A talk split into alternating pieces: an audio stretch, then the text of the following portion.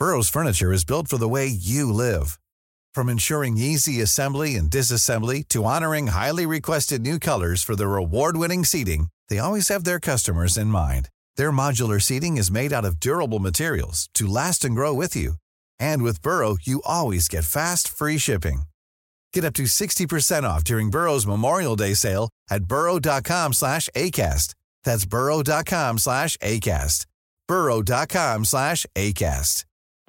Life is full of what ifs. Some awesome, like what if AI could fold your laundry? And some, well, less awesome, like what if you have unexpected medical costs? United Healthcare can help get you covered with Health Protector Guard fixed indemnity insurance plans. They supplement your primary plan to help you manage out of pocket costs. No deductibles, no enrollment periods, and especially no more what ifs. Visit uh1.com to find the Health Protector Guard plan for you. I dybden på ukas nyhetssaker. Men ikke så dypt, da. Bare helt i overflaten. Hashtag nyhetene. Ja, det er hashtag nyhetene. Det er fredag igjen. Vi er podkasten som eh, ser med litt skråblikk på nyhetssakene, men det er jo en bekmørk eh, nyhetsuke, Kristoffer. Hva tenker du på da? Det er, det er vanskelig å på en måte lage humor. Det en, for meg er det en, en mørk fredag. Eh, Jeg er rett og slett ganske lei meg. Så det er vanskelig å lage podkast. Nå er liksom uka ferdig, vi skal inn i helga. Og så har det vært så lite dekning av at kongen ble 85 år. Han, har blitt 85? Ja, og det syns jeg det skulle vært mye mer om. Og det syns jeg er trist. Jeg trodde han blitt 85 for fem år siden, i hvert fall. Ja, eh, Men han holder seg godt. Og det er nettopp det som er problemet. At eh, det har ikke folk fått med seg. For det har ikke vært dekka nok at eh, kong Harald ble 85 år. Hvilken dag ble han 85? Eh, en av dagene denne uka. Eh, du stilte meg et spørsmål jeg ikke har svar på. Gratulerer med dagen, Harald. Ja. Um, kjipt eh, at eh, noe annet tok oppmerksomheten fra dagen din. Ja. På rund dag også. Eh, mye fint å si om kong Harald, uh, men det var jo en litt ufin vits, kanskje. Det er, jo, det er jo Ukraina, Ukraina som det handler om. Jeg tipper det er det vi kommer til å snakke mest om. Ja, jeg, jeg har tenkt ca. halve podkasten, da. Ja, Litt under det, kanskje. for jeg trenger å få det litt forklart. Jeg har liksom sett mye triste greier, Ja. men det er så mye overskrifter og så mye greier, så jeg, kanskje du kan eh, for, gjøre så jeg skjønner litt mer av det. Jeg skal prøve, jeg skal prøve, men jeg, det er ikke alltid jeg skjønner det selv, da. Men eh, vi prøver på det. Men så er det egentlig faktisk, da, i liksom tross alt det mørke, så er det egentlig ganske bra, bra innhold her i dag, altså, i hashtag nyhetene. Vi skal selvfølgelig innom og gjøre oss litt klokere på det som skjer i Ukraina. Uh, og så skal vi Vi har en gjest som har lovt å ta med en heftig uh, prat om, et, om en viktig sak som jeg tror mange følger med for tida. Eh, nemlig den saken om eh, frisørkjeden Gevir, og hvordan de ikke har gitt lønn til eh, frisørene sine og sånn. Selv om alle kjendisene har vært der og fått spons. Vi kommer tilbake til det. Eh, og så har det vært noen Et par andre. De drukner ikke i Ukraina alt sammen, men det har vært noen andre svære saker som jeg tenkte jeg skulle utfordre dere på i konkurransen. Eh, men skal det bli konkurranse, så må vi jo være en person til her. Så jeg tenkte at eh, vi er jo kanskje nødt til å bli kjent med gjesten. Let's! Sikkert en hyggelig bass. Lurer på hvem det er. Og dagens gjest er kjent fra serien Safari på safari, og har jo erfaring eh, innenfor podkastsjangeren. Han er programleder i Bassene, suksesspodkasten til Loff. Eh, og så har han vært programleder i Snowboardforbundets podkast Heisprat. Ja, og så har, men og så har du garantert sett han fyren her som profil for DNB Ung. Ikke sant? Eh, Den der reklamekampanjen fra DNB der de prøver å få unge folk til å ta sin egen økonomi eh, under kontroll, og liksom, og, og liksom få, få styr på økonomien. På Og der- Ja, og der har jeg egentlig en høne å plukke med deg, Morten Brørby Sandvik. Ja. Og det er Er det så jævla farlig at folk går ut og bruker litt av penga sine på å ha det moro? Nei, for min del så var det jo ikke det. I det, i det hele tatt.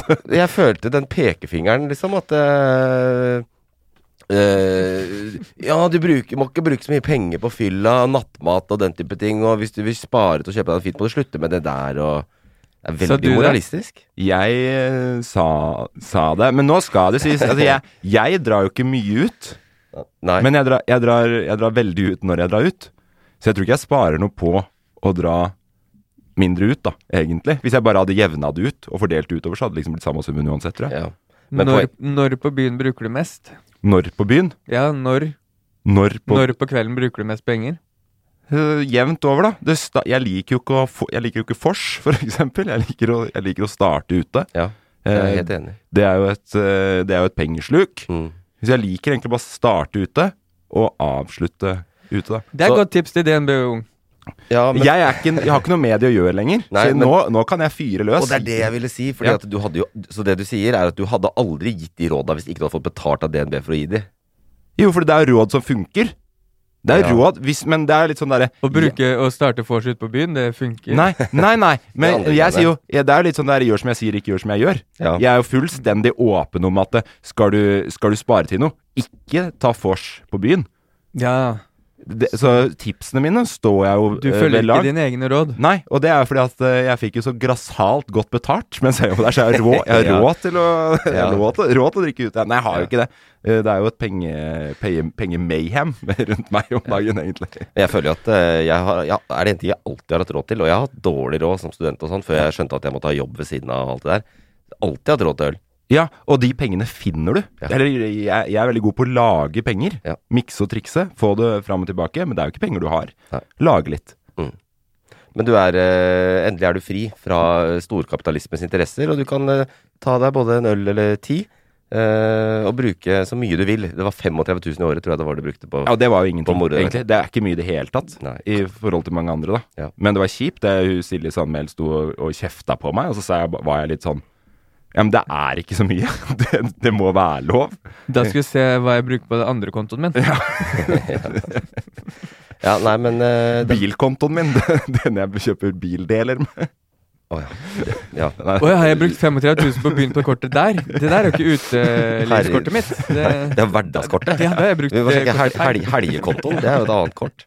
Ja, nei, men Det er veldig hyggelig at du er med i poden. Det er veldig hyggelig å endelig bli spurt. Å ha med noen Ja. ja. Emil har jo gått Emil har jo vært med din makker i, i bassene. En av de er jo, har jo vært med et par ganger, han. Ja. Han har hovert litt over at uh, Han har trenga seg på.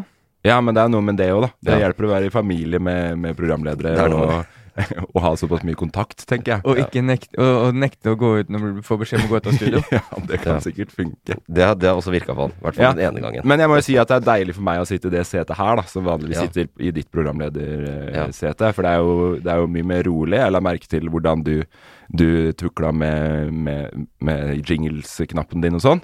Og så tenkte jeg sånn Det skal ikke jeg blande meg opp i nå. Nå er det ditt show, tenker jeg. Ja, ja. Jeg, Jeg bare- kjører showet. Jeg er der for å nyte og lære. Ja, Så bra. Jeg, jeg var jo, vi, er, vi driver med inbreeding i alle podene til Loff her. Fordi jeg var jo programleder i bassene her eh, da du var ute med corona. Ja, det var jo sikkert et shitshow uten like. Det, det gikk i grunnen ganske bra. Jeg fikk jo introduksjoner av deg og sånn, så det gikk fint. Og det, det, det kunne jo jeg hadde jo Jeg hadde jo på en måte en på deg til da jeg fikk korona, men jeg har jo hatt korona siden siste episode. Og det er jo så kort, eh, det er så kort eh, isolasjonstid og sånn nå. Så jeg har jo på en måte Jeg har sluppet å ha vikar. Du tima det bra. Ja, det var jo tilfeldig. Men du Ja. tima det bra likevel. var Eh, veldig bra. Jeg har retrospekt eh, vel eh, reflektert over at jeg nok spilte inn forrige episode med en viss eh, virus i kroppen. Men det er jo litt nyhetspodkast. Det er kult å ha det med seg. Ja, Ja. Og det er jo det jeg gjør i dag òg. Ja, Jeg spiller også inn med det i kroppen Mest sannsynlig. Mest sannsynlig. Ja. Ukas gjest to. Ja, Covid. Ja. rett og slett. ja. Ja, nei, men uh, nyheter, da? Er du en uh, nyhetsglad dude? Jeg, tror, jeg, tror, jeg vet ikke om man skal kalle det nyhet, men jeg tror jeg er ganske flink på å få med meg ting. Ja. Men så vet jeg ikke hvor nyheter starter, og når uh, sladderet slutter, på en måte.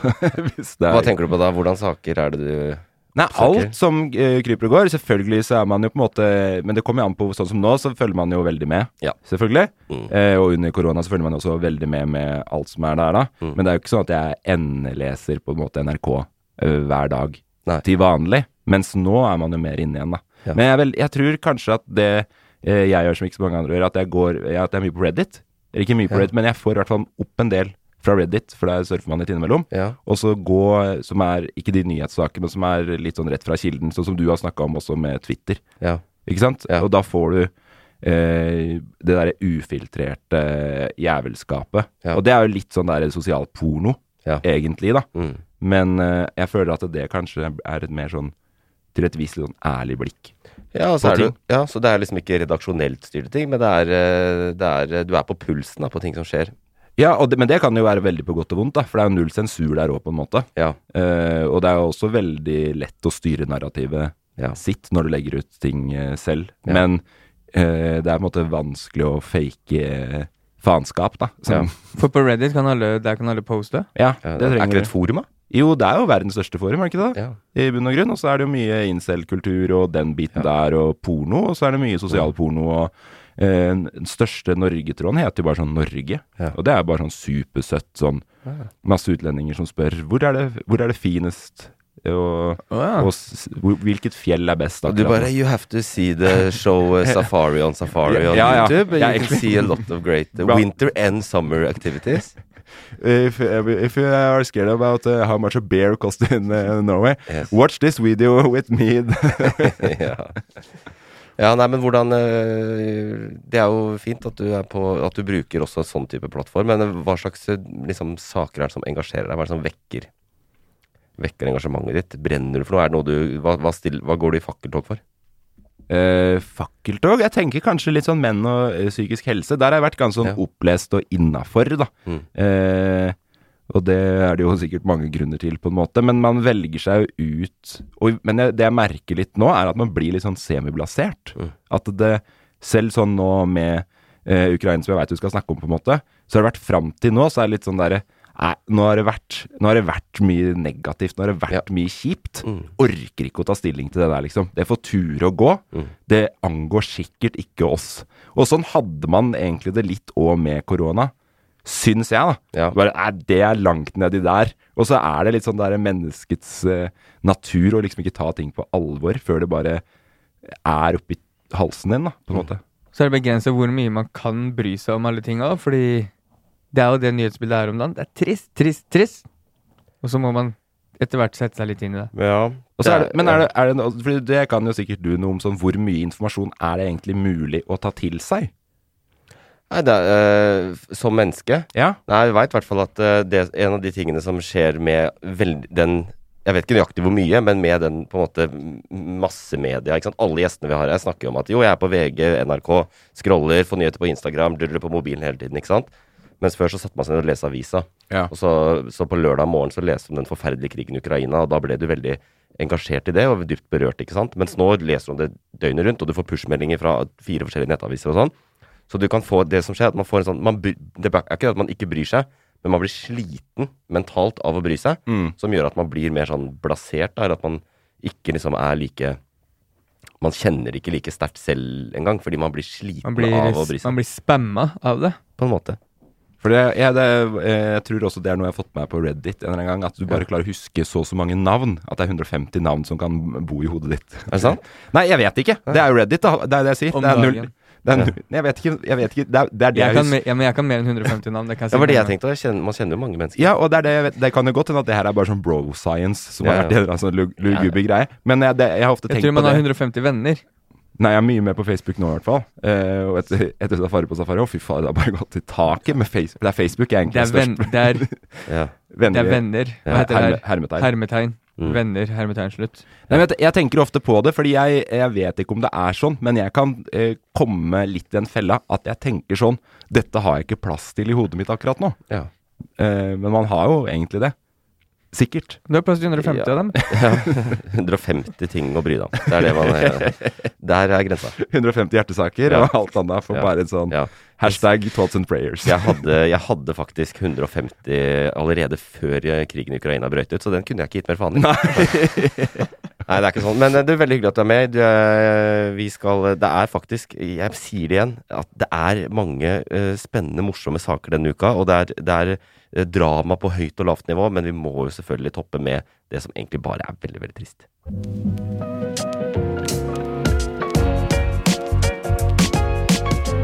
Ukas toppsak. For natt til i går så invaderte Russland Ukraina eh, fra flere kanter. Eh, og det eh, er nå åpen krig mellom de partene. Eh, det som har skjedd nå, har vel vært et av scenarioene det har vært advart mot lenge. Men eh, ingen har liksom visst akkurat hvor alvorlig det skulle bli, og hvor langt Putin og Russland da ville gå eh, i den militære opptrappinga rundt Ukraina. Men det ble altså så alvorlig, det, som, som det kunne bli.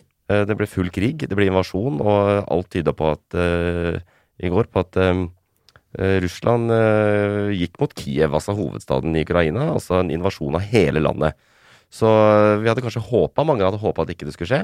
Eh, vi har også snakka om det her i podkasten i forrige uke, og det var, der var vi liksom enige at nei, krig, full krig blir det ikke fordi Forrige uke, ja. Ja, Forrige uke, og enig at det ikke ble det forrige uke. Det, sånn sett. så- ja sånn sett var det rett. Sånn sett var det rett. Men vi, øh, ja, vi var jo også litt sånn Ja, det vil jo være helt irrasjonelt. Altså, å ta hele Ukraina og full krig, hvem har noe å vinne på det? Sa ikke Vegard Tryggeseid, uh, sjøbølsa fra Skagerrak, at eh, det kom til å bli krig? Jeg så det på sosiale medier. Ja, Eh, jo, men det var, eh, det var fordi Kristoffer ba han si det. I okay. selve bare for pod- å safe oss, så Ja. han si det. I podkasten så sa han at det ikke ble det. Da, okay. Og da jeg opplevde at han var eh, mer i karakter eh, på sosiale medier der, så jeg vet ikke. Men ja, det var vanskelig, og ingen visste det. Og jeg må si jeg våkna i, dag, i går og så på mobilen min og tenkte fuck i helvete. Så, men det er rett og slett eh, Nå er det full krig. TV-bildene viser oss eh, blodige mennesker og tankser og helikopter og jagerfly og det ene og andre. Det er blodbad i Europa. Og det var også noe av det vi snakka om. Hvordan er krigføring anno 2022? Ja. Hvordan blir det? Og det, blir, det er jo god gammeldags krig. Konvensjonell krig, ja. Ja. Mm. Dette er en invasjon Dårlig gammeldags krig, var det jeg mente. Ja. ja. Ikke god gammeldags krig, nei. Nei. Nei hva, eh, Morten, det er, hvordan følelser vekker det deg? Det jo, Nei, men som sagt, jeg har på en måte vært litt sånn øh, unna det. Ja. Fordi jeg har fått med meg at det er anspent og fått med meg tingene, på en måte. Mm. Men jeg syns det har vært vanskelig å sette seg inn i. Ja. Og så har jeg tidligere prøvd, som man ofte gjør, eh, litt sånn kort forklart hva det dreier, seg om i korte trekk. Ja. Eh, og så starter det sånn Man må tilbake 800 år for å skjønne hvordan det her egentlig har bygd seg opp over tid, ikke Ja, sant? ja. Og da er det sånn det her er ikke kort forklart. Det er 800 år med historie, på en måte. mm.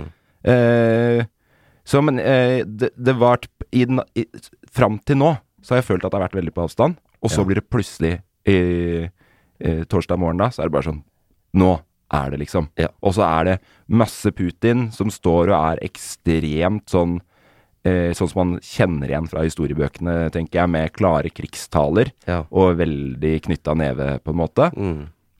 Og fra andre siden nå, hva er det han heter, han Zelinskyj. Ja, Zelinskyj, som er både all, alt, alt og ingenting. Ukrainas Jo Nesbø, som jeg kaller ham. Ja, Ja. eh, så det blir jo på en måte plutselig veldig mektig, da. Ja. Og så er det jo det der med tap av liv og sånn, og da er det en, også i hvert fall da på Reddit og de tingene som på en måte eh, kommer inn der. Jeg så en sånn greie i, i stad på Reddit, og det var bare egentlig ukrainske militærstyrker som skal ut i krigen, og som tar eh, farvel til kodene sine, da. Ja. Som var bare sånn superkort klipp. Og så var det bare sånn så Å, det. fuck, nå!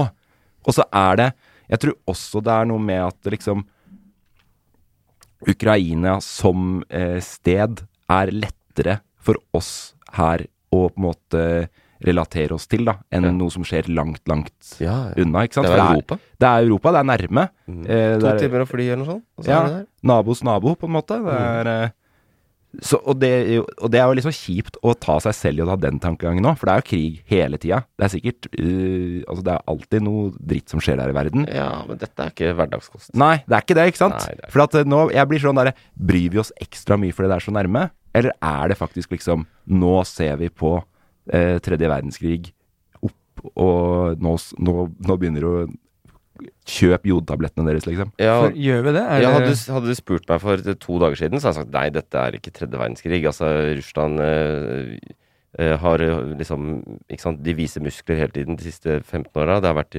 li- Altså, det er Putins måte å liksom bli mektig i Russland er jo Først så var det Tsjetsjenia, og så var det Georgia. Og så har det vært beef med Ukraina lenge. ikke sant? Krim-halvøya som eh, i 2014-15.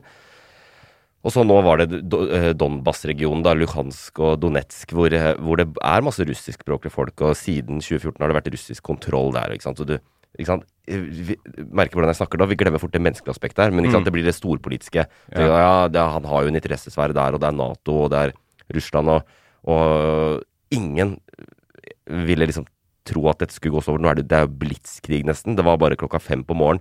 Jeg, nå er det et angrep. Smack inn mot Kiev. Så får vi se hvordan det utvikler seg. Det går ikke så fort alltid med krig, men eh, det er jævlig alvorlig. Men blir det tredje verdenskrig? Nato er jo dritforsiktig og ikke spesielt interessert. Eh, okay. Fordi vi er jo ikke eh, Ukraina er ikke et Nato-land. Så det er jo en del av kjernen her. Putin har jo snakket om det, at det, det er viktig, det, vi vil ha garantier om at Ukraina aldri blir medlem av Nato. Og så har Nato sagt det kan vi ikke gi garanti om, fordi at Ukraina er et fritt land, så de kan velge selv. Eh, Så dette er jo en av de tinga som har vært de siste månedenes greie. Men nå når dette skjer, så er jo det vi kommer med, er økonomiske sanksjoner. Ikke sant? Ja. Vi, står med, vi står i solidaritet med Ukraina. Men det er klart at hvis Nato skulle finne på Hvis Norge og USA og Storbritannia og alle NATO-land skulle si nå «Ja, vet du vi går, nå sender vi tropper inn i Ukraina, da er det tredje verdenskrig omtrent. Da er jo eh, Vesten i krig med Russland. Ja, for det er mye snakk om de sanksjonene. Tyskland stoppa eh, Var det gass, gass inn til Russland, liksom? Og Ja. gjør en sånn her, her er vi. Mm. Så, men så tenker jeg sånn Det er jo ikke sånn Jeg tenker at eh, jeg er sikker på at Putin alene har jo nok eh, gass til å forsyne seg, på en måte. Det han, han slår meg ikke som en type som bryr seg så mye om sitt folks ve og vel. Alltid, da. Så vil de sanksjonene egentlig ha noe for seg? Det, eh, det er jo åpenbart, det har de sagt også, at uh, to ting å si her. Det første er det med eh, krigen, da. Hvis Nato skulle joine dette, liksom, og gå inn i krigen. Så det Putin sa i den talen sin, var jo Det var ikke bra. Altså øh, Konsekvenser Han sa at hvis utenforstående, altså les Vesten, blander seg inn i denne militære øh, Han kalte det øh, spesiell, spesiell militær operasjon, men det er jo en invasjon. det er en, ja, av Ukraina. Så vil du se konsekvenser som man aldri har sett før. Mm. Og det er basically Han trua åpenlyst. Blander dere her, så kommer atomvåpnene. Ja. Det er eh, ikke bra. Altså, det var type trusler som ikke var vanlig under den kalde krigen engang. At man liksom okay. åpenbart sa, åpenlig sa at man skulle angripe hverandre med atomvåpen. Så, så det var ikke bra, ass. Men den, eh, um, han snakker hele tiden i de talene sine som at han er den gode her. Ja, ja. At han ordlegger seg sånn eh, Fordi de gikk jo inn eh, og sa fra at hvis dere legger bort våpen og ikke kriger, så kan dere være hjemme med familien deres og ta det med ro. Mm. Eh, som at de gikk inn for å hjelpe en deler der inne som trengte in invadering, da. Ja, men han har jo orkestrert hele greia, og det er ingen som tror på det. Og jeg tror ikke at jeg også er liksom Jeg tror ikke at vi er blenda av vestlig propaganda her, men det, han, det greiene han har holdt på med, det er bare orkestrering. Det var jo tidligere denne uka, så trodde vi kanskje at oi, var det dette han ville? Fordi han anerkjente Luhansk og eh, Donetsk som egne republikker, så dere sikkert. Ja. Og da var det sånn, ok, Hva, hva mener du med det? Altså, det, var, det er jo to regioner da, i, i øst i Ukraina som er kontrollert av russiske eh, styrker allerede. Som Ja. han gikk inn og anerkjente, og det kan man egentlig ikke gjøre. Det blir som at Norge skulle liksom si sånn Vi anerkjenner herved eh, Värmland i Sverige som en egen stat. Eller, og eller, for Nord, eller Nordby, for der er jo nordmenn, da. ja, ikke sant? ja, Vestra Jøtalands land Ja. er, herved, eh, er herved en egen stat. Det er norsk, fordi Og vi samt- legger pengene igjen Ja. på Svinesund. Og det er en mye morsommere krig òg, for da er det bare sånn kaste litt dressing på hverandre. Der hadde vi vunnet, sikkert. Men og samtidig så sier vi Og samtidig så signerte vi en uh, avtale med ordføreren i eh, Vestra Jøtalands land, som nå for øvrig er statsminister i Vestra Jøtalands land, om at vi skal gi de militær støtte, så vi sender forsvaret vårt til Vestra Og det var det han gjorde. Altså, oh, ja. så de, russ, han anerkjente de, og sendte styrker inn. Så han har interesser i Sverige. Så det Ja. Det er gøy. Så det, det, var starten, det var starten på invasjonen, ikke sant? Så tenker man, ok, det var, her kommer de østover, ikke sant, inn Donbas og der, og hvor, hvor langt vil dette gå? Og så plutselig står de i Hviterussland, og så kommer de fra, fra Krim, og så i natt da, så bare smakk fra alle kanter, så angriper de hele Ukraina. Så, men de delene der som du sier at nå har han erklært at de er selv, selvstendig, eller at de Ja. er eid av Russland? Er selvstendig. Det har han erklært nå? Mm, og så har de da samtidig signert en samarbeidsavtale. Med er de selvstendige Ja, så de er liksom puppet-stater for han, ikke sant? Så okay. derfor, han, derfor mente han at han kunne sende inn sine styrker. Og så Så det er nye land nå, på en måte? Ja, altså det er, mener Russland, men ingen andre mener det. Okay. Og så kommer det videre. Det var det spørsmålet ditt om uh, ikke sant, uh, hva, hvorfor han fremstår som en helt her. Fordi det han så begynner med å si, er at vel, Kiev, altså Ukraina sine styresmakter, driver et folkemord mot russerne som bor i Øst-Ukraina. Eh, og det er, og det han skulle, han, derfor må han inn og avmilit, eller demilitarisere Ukraina. Eh, fordi Ukraina også er en puppet-stat for Nato, sier han. Og at de er en naziststat. ikke sant? Han, han, han kommer inn der for å fjerne nazismen i dette grusomme ukrainske Ja, han bruker de orda. Ja, det var det han sa. Den talen i, eh, i går, eh, altså natt til i går, før, da han erklærte denne krigen, var Det var en vending, altså. Det var et vendepunkt. Ikke bra at all. Så det han mener da, er at de som bor i de stedene her i Ukraina, de blir redda av Putin? Det er det han vil Legg ned våpnene deres, vi kommer inn, Uh, vær hjemme hos familien deres, vi kommer ja. inn for å hjelpe dere. Ja, og han har jo til og med han brukte Nå husker jeg ikke hvilken artikkel, han henviste liksom til FN-pakten og at han at Fordi Russland har litt sånn rart forhold til internasjonal lov og Det som skjer her nå, er jo at Russland viser at deres verdensbilde er ikke dette regelbaserte systemet som Norge f.eks. liker. da. At det er regler som bestemmer hvordan land har det med hverandre å gjøre, ikke krig. Og det, som det, det her er jo et uttrykk for makt over rett. Sant? At det er ikke internasjonale lover som skal styre, det er makt. Men nå har Jens Stoltenberg vært ute og fordømt det på Twitter, og da tenker Ja. jeg at nå blir det Hvor Nå mange, blir- mange følgere er det da? nå mange. På sin private Twitter? Ja, så nå tenker jeg at da Han fant en Ok, nå kan jeg, nå kan jeg tjene meg litt følgere her. Alle har jo fordømt dette, også Ja, Stoltenberg. men det er det jeg lurer på, for at eh, eh, sånn som eh, Nå er det jo veldig mye sosiale medier òg, ikke sant? Som Mm. bare prayers for eh, Ikke sant?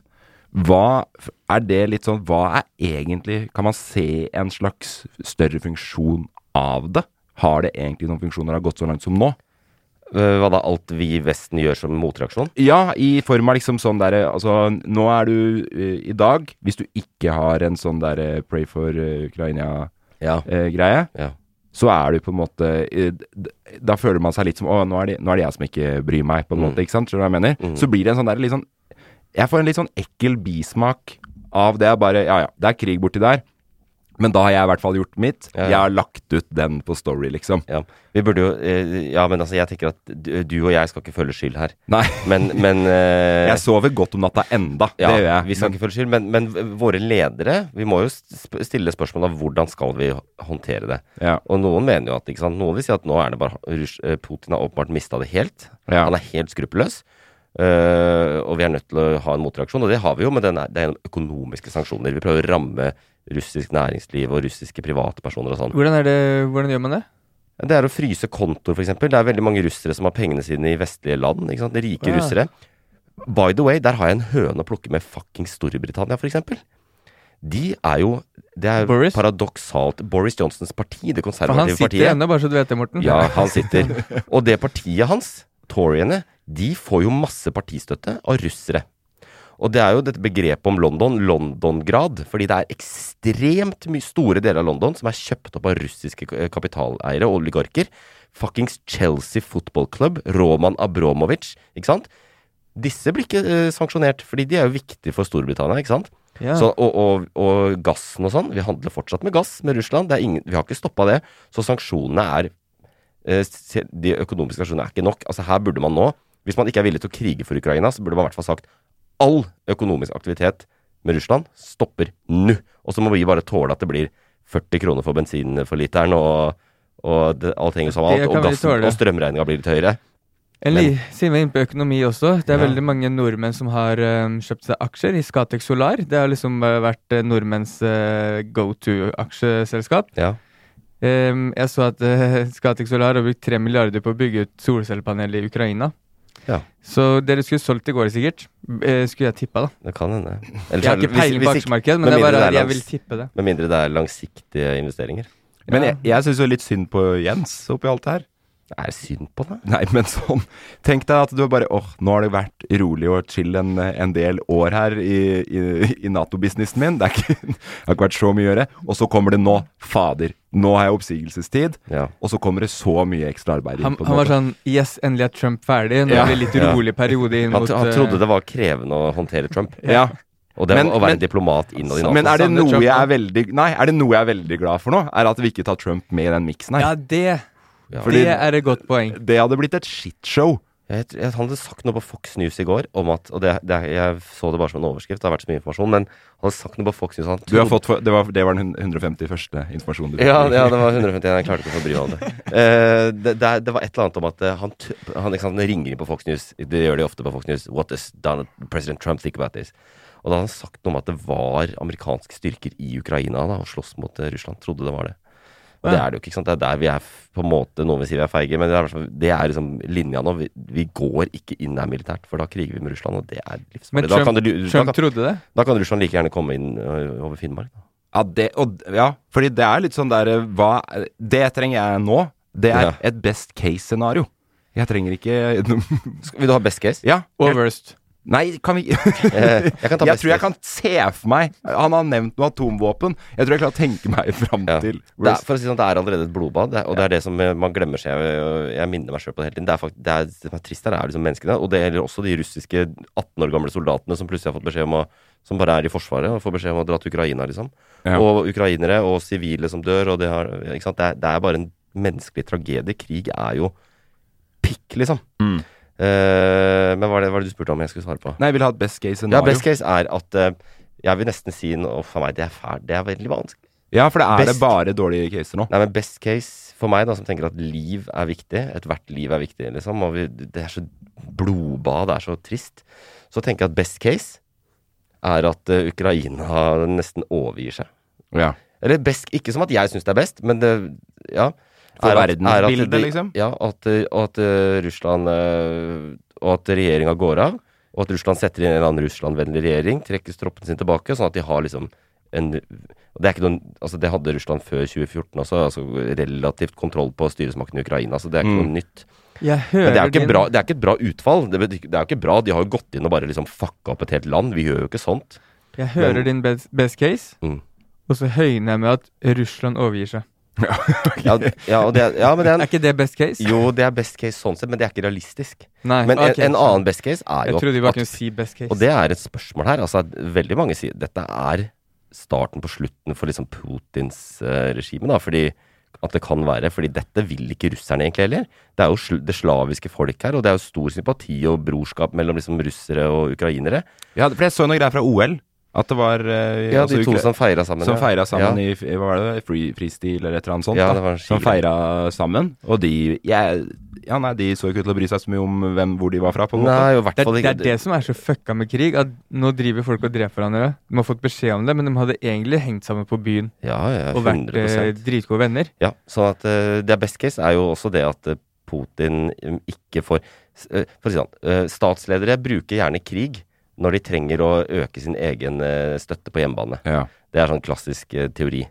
Eh, men det kan jo hende at dette virker imot ham nå. Det er, det er en storskala krig mot Ukraina. Det høres merkelig ut. Og det er jo også de som sier at det som vi liksom hvis dere ser sånn analyser om dette, er jo veldig mye sånn der Ja, den kalkulerer sånn og sånn, og så gjør man sånn og sånn, og sånn funker internasjonal politikk. Og så plutselig skjer det som liksom virker helt merkelig, og fuckings invaderer hele Ukraina. Og da er det de som sier at altså, Putin er faktisk riv ruskende gal, og det er liksom ikke en del av analysene. eh, Når man liksom tenker hva er det Ja, som kommer sånn til At han faktisk er gæren. Og visstnok så har jo fyren sittet Jeg er ikke noen Russland-ekspert, men han har visstnok sittet da i nesten i full isolasjon de siste to åra pga. covid. For han er livredd for å få covid. Ja. Og Russland er liksom allerede isolert, og han har sikkert levd et ganske rart liv, men helt alene liksom i to år. Det gjør Eh, sikkert noe med hodet. Vegard eh, forrige uke, når han var gjest, Ja. så var det en av grunnene til han tenkte at ikke det ble krig, var fordi eh, skaden var større enn gevinsten. Ja. Og så er jo nå spørsmålet Har Putin sittet og regna på og tenkt Nei, gevinsten er større enn Den mulige gevinsten er større enn skaden. Ja, jeg skjønner, men det er der jeg liksom er, Hva er gevinsten her? Altså, det er, Hva må det være? Det må være liksom at det, det russiske riket får tilbake Ukraina, men det sier noe om at, at eh, intensjonene til Putin er ganske skrudde, og at han er farligere enn Eller vi har visst han er farlig, men han er jævlig farlig. Så er han 69 år nå, da. Kanskje han tenker at han må Oh, nice. Mm. Gratulerer med dagen. Grisegutten. Én ting har jeg lyst til å si, Ja. eh, og det er smålig. Eh, det er absolutt smålig, og det er usaklig. Men han der, han har faktisk ekstremt mikropenis. Han har det, ja. Det er jeg helt sikker på. Det er sånn, Bare litt du vet han er gæren, og sånn bare, sånne bare hud, vet du. Vil bare du, hud. vil du Jeg er, eh, jeg har fun fact om Putin, Ja. som ingen andre har sittet på. Det er ikke om tissen hans. Nei. Eh, men eh, jeg er ivrig fisker. Ja. eh, Gjeddefisker. Ja. Det er et bilde av Putin med en stor gjedde. Mm. Stor, udiskuterbart. Eh, som er eh, Han sier selv at den er like stor som norgesrekorden her i Norge, da. Jeg Altså, trodde du skulle si like stort som noe annet. Ja, at den er like stor som pikken hans. Det var Nei, veldig det var ikke det jeg tenkte på. Nei, men det er det noen som har gått inn og regna på, og alt mulig sånn. Så han ljuger også på Ja, fiskestørrelsen. Ja. Og det tenker jeg da, ref det du sa. Ljuger du på fiskestørrelsen, lett å ljuge på en del andre ting. Det altså. heter Napoleon-kompleks. Ja. Altså, han er jo ikke en veldig At du ljuger om fiskestørrelsen. Nei, liksom. altså generelt. Altså, han er jo ikke en veldig stor mann. Og så er det noe med hele russiske kulturen da, som er veldig knytta til du Svakhet er å være homo, ikke sant. Ja. Hvis du er svak, så er du homo. Ja. I Russland? Ja, og det er det som er skummelt når, det, når konflikten nå eskalerer. Så er det aldri det, For Putin er det ikke noe vei Er det tilbake, fortsatt liksom. så langt bak eh, der borte? Ja, det Ja, tror på jeg. den fronten der så er de eh, Ja. Det var noe forferdelig eh, eh, sånn dokumentar der eh, om homofile i Russland. Jeg lurer på om det er Stephen Fry og sånn, jeg, som har lagd noe ja, derfra ja, òg. ja. Eh, og det var helt sinnssykt, liksom. De Ja, ja. gutta er helt gærne. Ja. Så ja. Så jeg føler også den der med at eh, om man veier opp eh, eh, mulig gevinst og mulig skade, Mm. at han sitter og regner på det selv. At de folka rundt han som eh, også er med ja, og styrer de. landet, de sier bare det som pleaser han, på en måte. Ja, det har vi jo sett nå. Det var jo sånn derre absurd teater her denne uka her, hvor han før invasjonen, hvor han hadde et sånn Hvor han hadde liksom topper fra ulike statsapparater inne i et møte. I disse absurde i Kreml, de der store marmorsalene eller hva det er. Hvor sjefen for E-tjenesten kom opp, og han pressa han nesten til å fortelle at han støtta en invasjon av Ukraina. Så- Var det, var det der han sier sånn eh, snakk, snakk fritt. ja, ja, fritt. eller snakk snakke klartekst. Ja, snakk i Vær tydelig nå. Ja. Ja. bare for å få han til å se Og han var jo livredd, stakkars. Og det er, så det er litt Russland, ikke sant. Hvis du går imot Putin, da må du være forsiktig med å stå næ eh, for nært et åpent vindu dagen etter, for da ramler du. Jeg så Conor McGregor møtte Ja. Putin for litt siden, var det forrige uke eller noe? Så er Ja, da så er det kommet inn nå. De klippene. Jeg, vet, det var, jeg så det senest i dag. Shit. Klipp fordi at eh, når han skal ta bilde, så legger Conor McGregor hånda rundt Ja. Putin. Og da er det fort bort på folk og bare Det skal du ikke. Nei. Nei. Så hvis Conor McGregor forsvinner nå Ja. eh, Jeg har ikke sett den etterpå. Nei, det er fader meg sant. Ja. Hvor, er- hvor er det han blitt av? alt han, han har mulighet med hendene sine å drepe Putin når han står ved siden av. Han har gjort verden en tjeneste. Ja, men er det For det, eh, i den grad man på en måte skal begynne å spekulere, da. Ja. Hva med sånne Altså, det må på et eller annet sted være et slags motstandsgruppe innad i Russland nå, tenker jeg da. Det er veldig lite Max opposisjon. Manus-gruppa? gruppa? uh, altså, ja. Eh, Pussy Riot. Ja. Ja, men det er jo noe Men eh, Putin har jo virkelig bygd ned eh, hele sivilsamfunnet og den, og den politiske opposisjonen. Og ikke sant, Dumaen og alle er liksom enig. Hele det politiske systemet er, er liksom server Putin. Så han har bygd seg et, et dik dictatorship. Men hvis man tenker sånn stort sånn eh, Altså, ville et attentat på Putin løst hele problemet? Nei, jeg tror, altså, det er ikke sånn at det står eh, demokratiske, unge, friske krefter klare til å ta over makta i Russland. Det er mange som ville tatt den makta som er, er, ligner mer på Putin enn på Pussy Riot. Ja. si sånn. ja. Men det er klart at han er jo Det er ikke de som er neste i køa, liksom. De står rett bak. Nei, nei, det er ikke det, ass. Putin Men, eh, Nei, Vladimir Putin? Vladimir Putin. Puto. Det hadde ikke blitt La meg Det hadde ikke blitt verre av at han ble likvidert. Nei. Nei, for det man, det er det jeg mente i stad at Conor McGregor hadde muligheten. Han hadde Ja. dødd selv, men tenk hvor mange som har dødd de siste to døgna. Et liv er verdt det da Og, Og det er det triste. Det er det jeg hater med dette. Og jeg blir så lei meg og skuffa når det ender med krig. For jeg hadde håpet hele tiden at det diplomatiske sporet skulle virke liksom at, man, at eh, det var litt sånn sabelrasling. Men nå er det liv som går tapt eh, over en lav sko, liksom. Og det er ikke noe hyggelig. Kan du bare si uh, noe om hva vi forventer oss de neste, de neste dagene? Det er litt eh, Det skjer veldig mye på veldig kort tid, da. Så, men det, det ser ut Min analysehet analyse helt i starten her er at det er en sånn slags eh, blitz-offensiv. Rett inn, eh, ta Kiev raskt, og så, så at ikke det blir en langvarig krig, da. Så jeg håper at det ikke blir militær konflikt veldig lenge, som, igjen fordi at menneskelivet er viktig. Så ja. Og så tror jeg nok at eh, eh, Kiev taper, liksom. Ukraina taper den krigen. Og så, får vi se. og så vet jo ikke hva som er Russlands ambisjoner. Vil de annektere hele dritten, eller vil de bare innsette en klovn som kan styre etter Putins eh, ja. Men hvis nå Ukraina gir, altså, gir seg, da, Ja. eh, så har jo da plutselig Russland tilgang på fryktelig Altså uraniumutvinning i Ukraina det er jo kjempesvært. ja da, men og, eh, det men ikke blir, tror du ikke bare sånn at ok, men da tar vi litt mer, og litt mer, og så bare beveger vi oss nedover, da? det, det, Med god grunn. Baltiske statene er jo redde for det. Altså, Ja. Estland, Latvia, Litauen sånn, de er jo oppriktig bekymra. Problemet er det er EU og Nato, liksom. Så Ja. hvis, vi begynner å, mm, hvis han begynner å tukle der, så har han større problemer, da. Fordi Putin kan militært slå Ukraina ganske greit, men det er verre hvis han eh, ypper på seg hele Nato. Men det ble jeg så overraska over, fordi jeg kan jo ikke noe om Ukraina fra, fra før av. Jeg trodde det var en liten, en liten, uh, liten tullestat, holdt jeg på å si. Eller sånn Ja. at det var lite i størrelse, da. Men uh, i forhold til Norge er de kjempestore. Det er like svært som Vest-Europa. Det er Europas nest største etter Ja, Russland. og jeg tenkte at det her, dette er et sånt lite vestblokkland som ligger langt der Ja, Ja, ja. Det nede. er, det er nest størst etter Russland. Vet du hva jeg sier? Slå sammen de to landene her. Hvem, så kan, Bare slå Med sammen. 44 millioner uh, Ja, eller noe sånt? innbyggere. som- innbyggere? Ja, 2,7 millioner i Kiev. Ja. Hvor det nå kan bli ganske stygge kamper. Uff, jeg syns det er fælt. Ja, for, for det er mye større enn Ja, ja, jeg trodde. Ja, det er det. Når Men, man det er, hørte Krim og sånn, så hørtes Krim ut også som en sånn der liten men militærstrategisk ganske enkelt. Okay. Eh, sånn som Afghanistan var jo driv... veldig vanskelig å drive krig i, fordi det er fjeller og det er ditt og datt. ja. Eh, Ukraina er sånn flatt hele landet. Så du så de tanksene sånn eh, på natt til eh, torsdag. De ruller jo bare inn, liksom. Er det det man burde se etter hvis man vil invadere et land? Så Danmark er liksom drømme... Danmark, eh, ja, de har jo de har to veldig viktige Ja, de, er, de, er, de har disse to broene da, som begynner binder sammen eh, Broen. Ja, så hvis Sesong de 3. ryker, så får du litt trøbbel med å og ja. tenk, de eide Norge. Da Tenk hvor ræva vi er. ja, så dårlig er vi. Nei, eh, vi lar dette ligge, eh, fordi jeg syns det er trist å bruke mye tid på det. Men eh, jeg er også s- veldig interessert i det som vi skal ta praten om. Gjesten skal ta praten. Gjesten skal ta praten. Gjesten skal ta praten. Hva har du på hjertet? Hva brenner for? Hva vil du si? Og la meg bare si at jeg har stor sympati med at det er vanskelig nå eh, og segway fra dette, det alvorlige komplekset som er uh, storkrig i Europa, til det du skal snakke om, Morten. Men det er ikke noe det er, Jeg skulle si det er ikke noe mindre viktig av den grunn. Jo, det er det. det, det, er det. Men det er litt mer lettbeint, og det tror jeg vi trenger. Ja, fordi det som er greia, er at det før i uka så, eh, så var jeg veldig eh, engasjert inn i den saken her. Ja. Eh, og så nå føles jo det Nå er det veldig Jeg vet ikke om hoppe etter Wirkola er riktig, er riktig.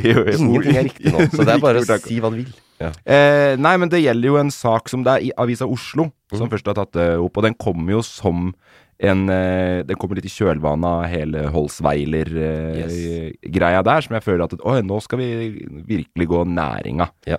eh, opp i sømmene. Så kort fortalt så er saken det at eh, det er en frisørsalong som heter eh, Gevir. Veldig populær blant kjendisene i uh, Oslo. Ligger på toppen av Markveien. Ja, Er det? Er det ikke tre stykker, da? jo, det er, det er flere. Ja, det er flere. Ja, og de er svære. Mm. Og, de er, og de har vært uh, uten tvil suksess. Er det større enn Jan Thomas Studio? Det vil jeg nesten tro. Ja. Uh, uten jeg at jeg kan så mye om uh, frisørbransjen. Ikke heller. Jeg har ikke vært, og har ikke vært hos en på 15 år. Det var det jeg lurte på, om du kanskje ikke er så involvert i frisørbransjen. Nei, jeg er ikke det. Men, Jeg, jeg bruker, jeg bruker sønnsilke skjegget. Ja. Utover det så har jeg ingen beskjed. men det får du sikkert kjøpt på Gevir òg. Men Ja. nå vet ikke jeg sånn hvor du gira du er på samarbeid og sånn med folk. Eh, jeg skal høre på hva du har å si, så får vi se om eh, jeg er gira Ja, på det. nei, men det som er greia, er at det har kommet fram i lyset at eh, de som jobber der, ikke får betalt når de da gjør eh, veldig mange, da, Mm. tydeligvis, av de behandlingene for kjendiser som reklamerer for dem igjen. Så ja. det, det er mange samarbeid som har vært der, da.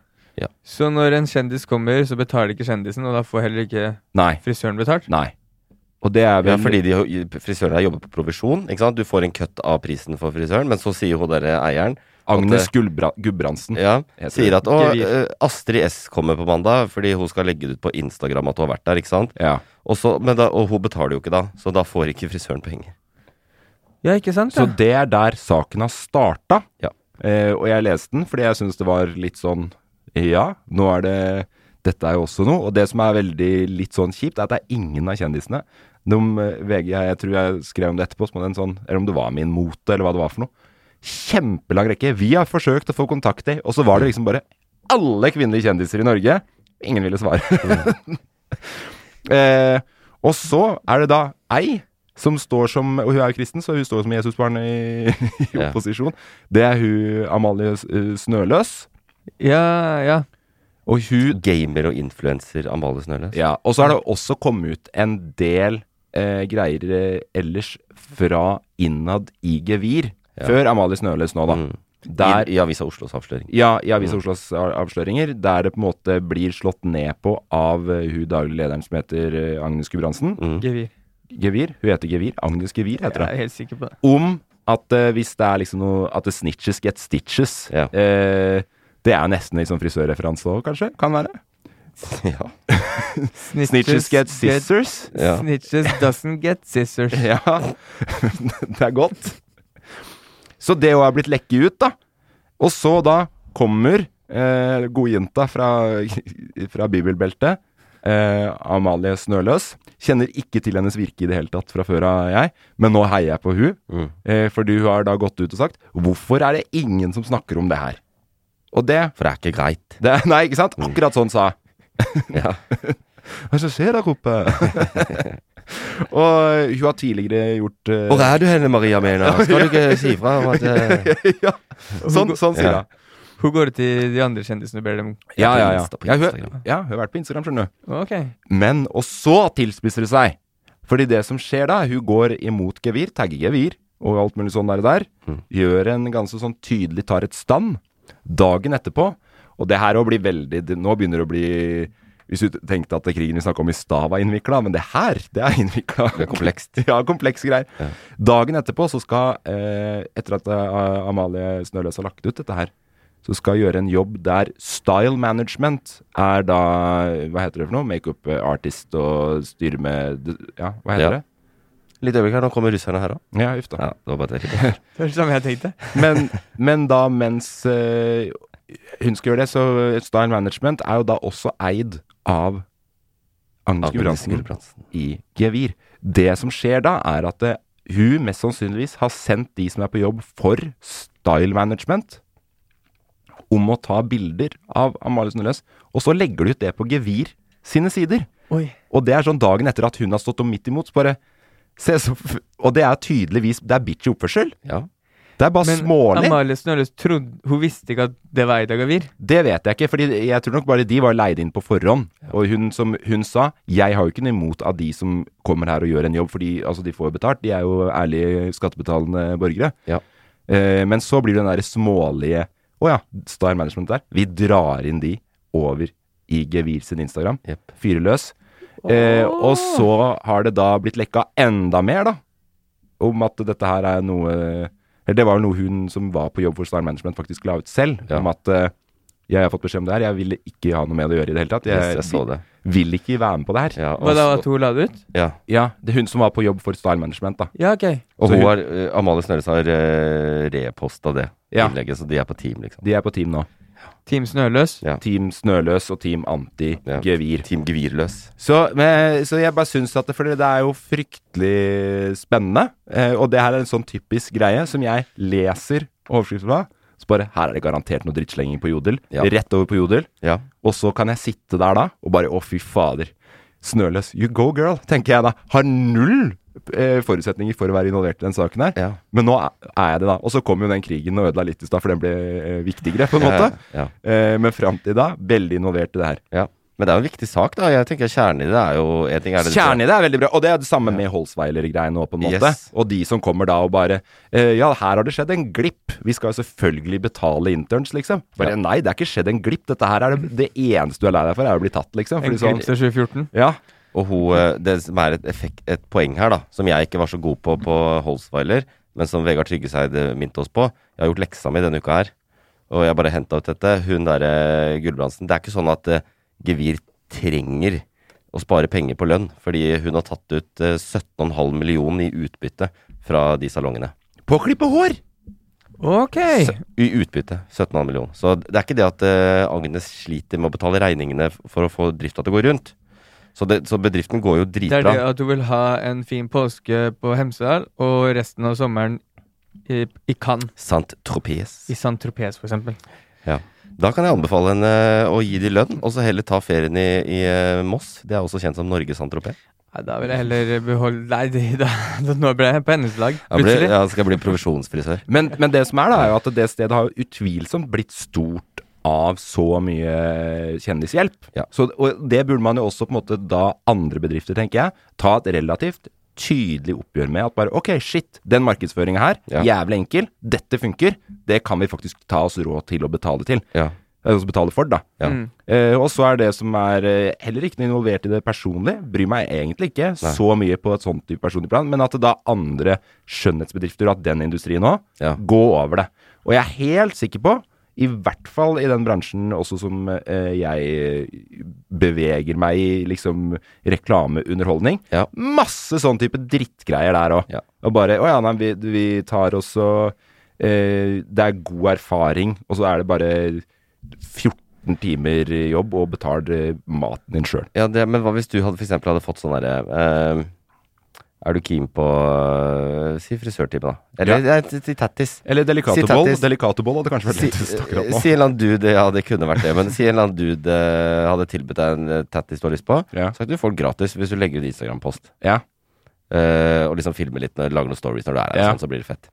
Så hadde jo du Mest sannsynligvis gjort det, ja. Ja, og så spørsmålet da Hadde du hatt liksom Hadde eh, refleksen din vært og sånn Ja, det kan jeg godt gjøre, men uh, kan jeg bare se tariffavtalene til de som jobber her, og at de tjener greit med penger, og at du driver lovlig? Nei, og det er det, for at der er jo jeg og Men det er på en måte ikke mitt ansvar, så der blir ignorant is bliss. Ja. Men, Men så, men så burde det ikke være så jævla vanskelig å gå ut etterpå når dette ruller opp, og bare si sånn Å ja, det visste jeg ikke, men det er jo ikke noe særlig. Nei, ikke sant? Men det at ingen gjør det Og Tentisen det, ræva. Ja. Ja. ja.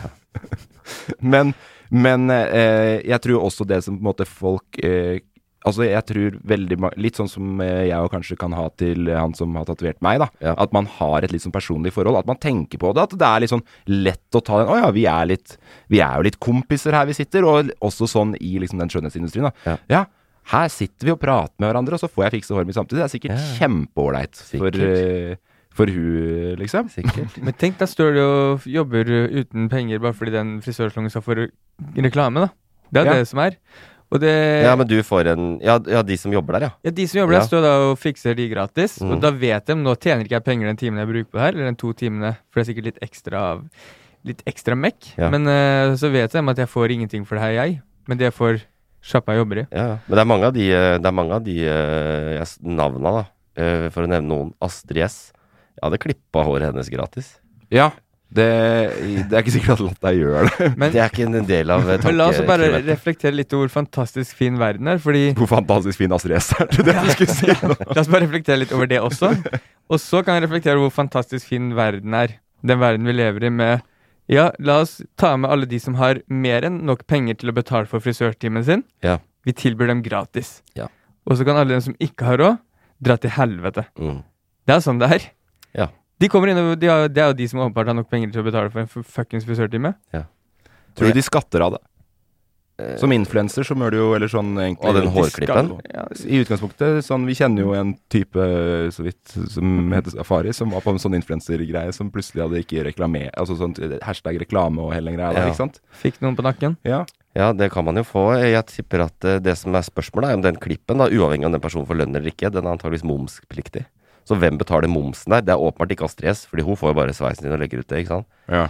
Uh, hvem er det som betaler moms der på den klippen? Fordi Men det er det samme type greiene som med alle sånn type fotografer man kjenner hatt i alle år. At bare ok, du må faktisk starte på bunnen, da.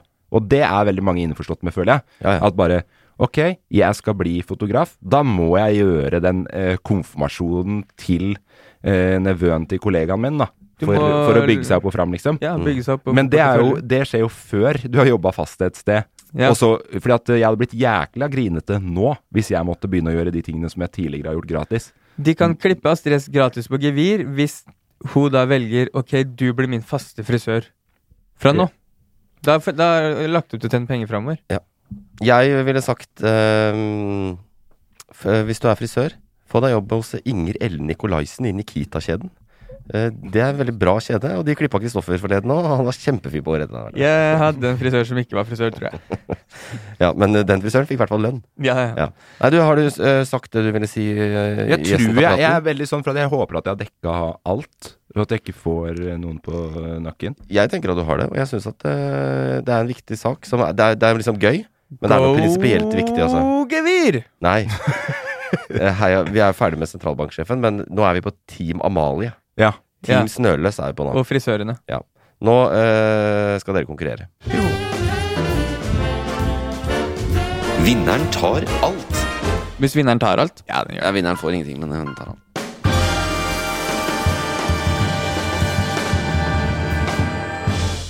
Og som vanlig har jeg vært i kommentarfeltene, henta ut noe grums, og dere skal gjette hvilken sak det dreier seg om. Og det er tre saker, og det er faktisk jævlig juicy saker alle sammen. Det er alt jeg kan advare dere om på forhånd. Og her kommer den første kommentaren, som kommer fra Kristina Lerevik, og det er i VG, som eh, skriver følgende. Og så gråter de på TV av at de føler det er politikerforakt. Er det rart? Hvor er demokratiet blitt av? Nå bor jeg ikke i området, men allikevel kjenner jeg at det koker. Hvem tror de at de er? De er valgt av folket for å gjøre en jobb for folket! Makan til arroganse. Hey, I'm Ryan Reynolds. Recently, I asked Mint Mobile's legal team if big wireless companies are allowed to raise prices due to inflation. They said yes. And then when I asked if raising prices technically violates those onerous two year contracts, they said, What the f are you talking about, you insane Hollywood ass? F- So to recap, we're cutting the price of Mint Unlimited from $30 a month to just $15 a month. Give it a try at mintmobile.com slash switch. $45 upfront for three months plus taxes and fees. Promo rate for new customers for limited time. Unlimited more than 40 gigabytes per month. Slows. Full terms at mintmobile.com. Everyone knows therapy is great for solving problems, but getting therapy has its own problems too, like finding the right therapist, fitting into their schedule, and of course, the cost. Well, BetterHelp can solve those problems. It's totally online and built around your schedule. It's surprisingly affordable too. Connect with a credentialed therapist by phone, video, or online chat, all from the comfort of your home. Visit betterhelp.com to learn more and save 10% on your first month. That's BetterHelp H E L P. Since 2013, Bombas has donated over 100 million socks, underwear, and t shirts to those facing homelessness. If we counted those on air, this ad would last over 1,157 days. But if we counted the time it takes to make a donation possible, it would take just a few clicks. Because every time you make a purchase, Bombas donates an item to someone who needs it. Go to bombas.com slash ACAST and use code ACAST for 20% off your first purchase. That's bombas.com slash ACAST, code ACAST. Millions of people have lost weight with personalized plans from Noom, like Evan, who can't stand salads and still lost 50 pounds. Salads, generally, for most people, are the easy button, right? For me, that wasn't an option. I never really was a salad guy. That's just not who I am. But Noom worked for me. Get your personalized plan today at Noom.com. Real Noom user compensated to provide their story. In four weeks, the typical Noom user can expect to lose one to two pounds per week. Individual results may vary. Ja, det er politikere som har vært i nyhetsbildet igjen, da. Det er helt riktig. Men er det poenggivende svar? Neppe. Jeg vet jeg har fått meg en sak men jeg kom, Det er hun, hun ene politikeren som ikke jeg kom på navnet på. Hadia Tajik? Ja, det er navnet. Er det, er det pendlerbolig og La, la, meg, la meg gi dere et øh, Kanskje ikke jeg, le, jeg leste for mye med, med for mye ikke sant, eh, dramaturgi her. Ja. Men blant annet dette med eh, Nå bor jeg ikke i området, men allikevel kjenner jeg at det koker. Så vi skal til en sak som handler om et område. Som er varmt. med Og det er selvfølgelig da Innlandet. Hva med Innlandet? Altså, det har blitt stemt eh, opp igjen til Oppland og Hedmark. Nå Ja. bor jeg ikke i området. men Kan jeg ikke merker du at gjette det, da? Og så kan du gjette at det er Hadia Tajik? I Innlandet. Eh, Hun I har Innlandet. flytta til Innlandet. Ja. Da gjetter dere det. Ja. Og det er riktig, Morten. Tusen hjertelig takk. Ja, det er saken om Innlandet. Det hadde jeg faktisk tenkt å spørre deg om. Ja. Innlandet, For jeg trodde kanskje tidligere i uka, når jeg ble spurt om å være gjest, at dette kommer til å bli prat om, tenkte jeg. Ja. Eh, men så er det jo skjedd en del andre ting som Ja. gjør at det faller. Fordi det er jæklig mange altså Nå kjenner jeg en del eh, folk 40 pluss fra området Ja. eh, som bryr seg noe jævlig. Ja. Og så skjønner jeg ikke helt Jeg har prøvd å skjønne det. Skjønner det ikke helt. Hva Vi brukte masse penger for noen år siden for at Oppland og, og Hedmark skulle bli Innlandet. ja, fordi Erna Solberg tvingte de til å gjøre det. Ja. Ja. De så- ville jo aldri. Og nå er det tilbake igjen. Mm. Eh, blitt stemt, og det skal nå hete Oppland og Hedmark igjen.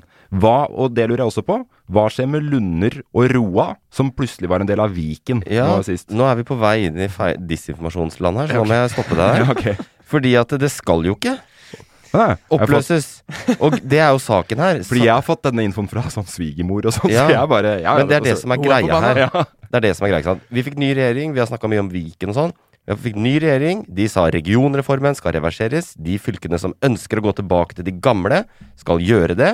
Troms og Finnmark skal splittes. Viken skal bli Østfold, Akershus og Buskerud. Tre Telemark og Vestfold skal deles i to. Men Og så var spørsmålet Innlandet. Hedmark og Oppland. Og det har de hatt prosess på prøve å finne ut av, og blant annet der så valgte man å ha en folkeavstemning. Og det hadde de forrige uke. Eh, 46,7% møtte opp på det, så det var lav deltakelse. Men litt under halvparten av de over 18 år, eller hva det var, eh, møtte opp. Eh, og da ble det altså et sånn resultat at 50,7% stemte for å splitte Innlandet. Ja. 48,1% stemte for å eh, holde Innlandet samla. Ergo, det ble fler, et bitte lite flertall på 3738 stemmer for å splitte fylket. Ja. Og det var jo jævlig jevnt. Og så var det jo Arbeiderpartiet i Innlandet da, som egentlig ikke vil splitte. De tenker at nei, nå har vi slått oss sammen.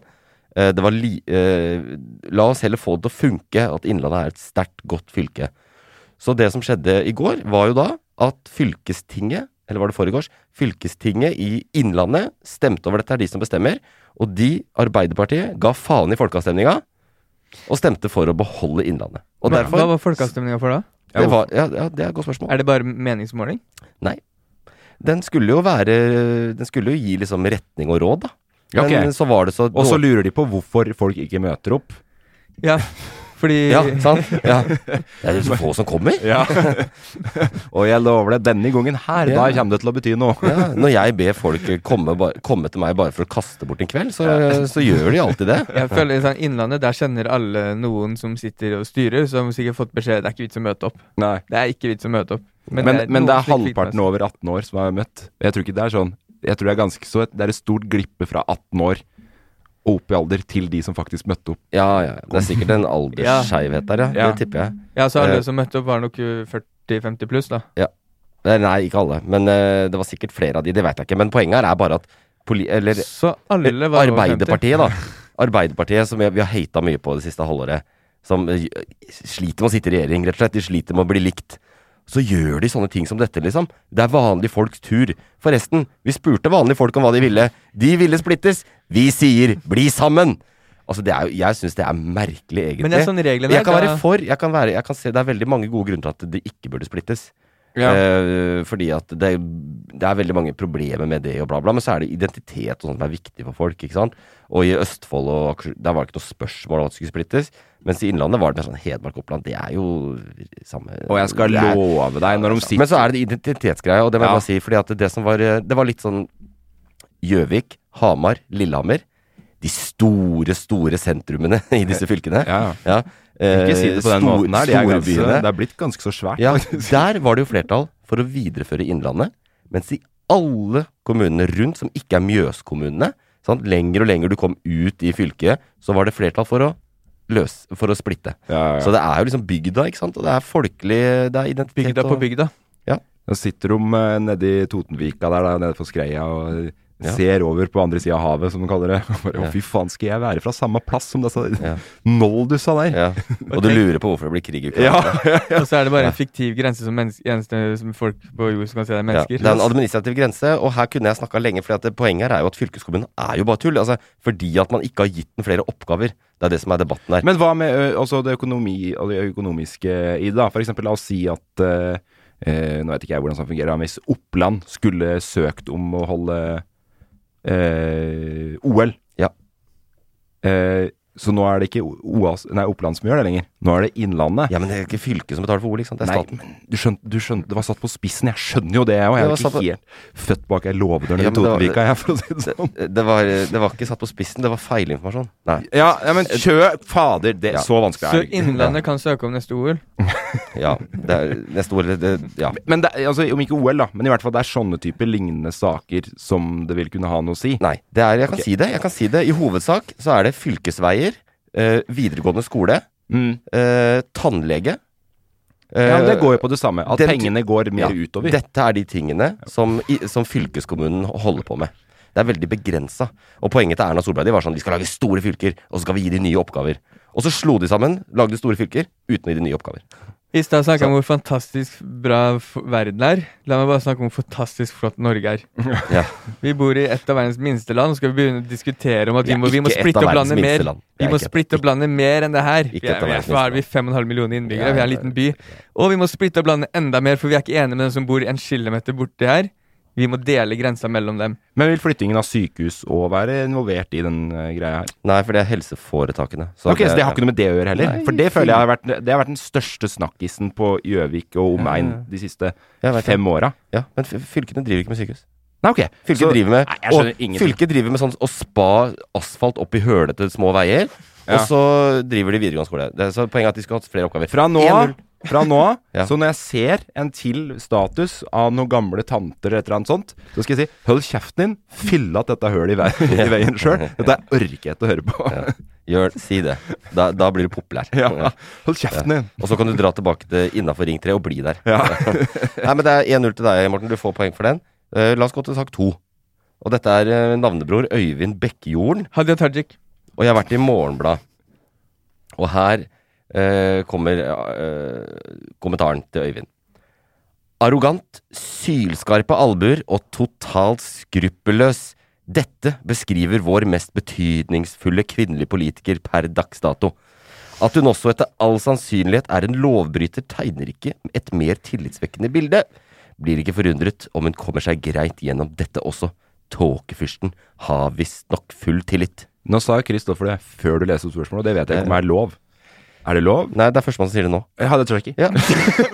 Hvem da, sa du? Hadia- Hadia, Hadia Tajik. Hadia Tajiki. Hadia Tajiki. Så Morten sa Hadia Tajiki. Ja. Hadia Tajik. Ok, det er poeng til Kristoffer. Hæ? What the f... vi er sånn, vi er, sånn er det her. Ja, ok. Ja. Jeg, jeg kjenner igjen formatet. Men det er riktig sak, men jeg kan jo utfordre. Hva har dere fått med dere den saken om Hadia Tajik? Ja. Hva er saken? Ja. Uh, back in the days så hadde Ja. hun en pendlerbolig som hun også har vært ganske så ute og kritisert andre for. Ja. Ikke sant? Og da, da skal fader meg den som først er fisen var, den er fisens rett. Altså, det skal Mm. virkelig få Rette mor. Ja.